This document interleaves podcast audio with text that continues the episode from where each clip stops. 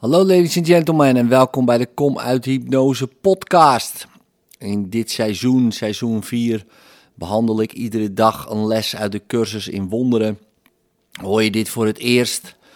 Uh, welkom. Uh, begin bij dag 1, bij les 1, als je dit zou willen volgen. Um, ik ga ook nog wat samenvattingen maken.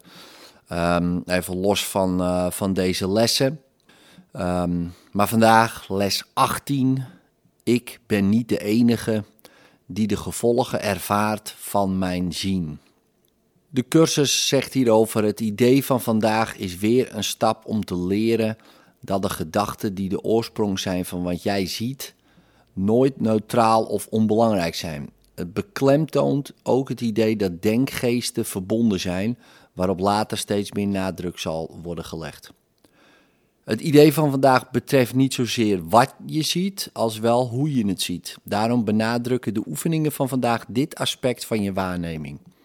De drie of vier aanbevolen oefenperioden doe je als volgt. Kijk om je heen en kies voor de toepassing van het idee van vandaag zo willekeurig mogelijk onderwerpen uit. En houd je ogen op elk van die onderwerpen lang genoeg gericht om te zeggen: Ik ben niet de enige die de gevolgen ervaart van hoe ik puntje puntje zie. dus ik ben niet de enige die de gevolgen ervaart van hoe ik die boom zie. Ik ben niet de enige die de gevolgen ervaart van hoe ik dit scherm zie.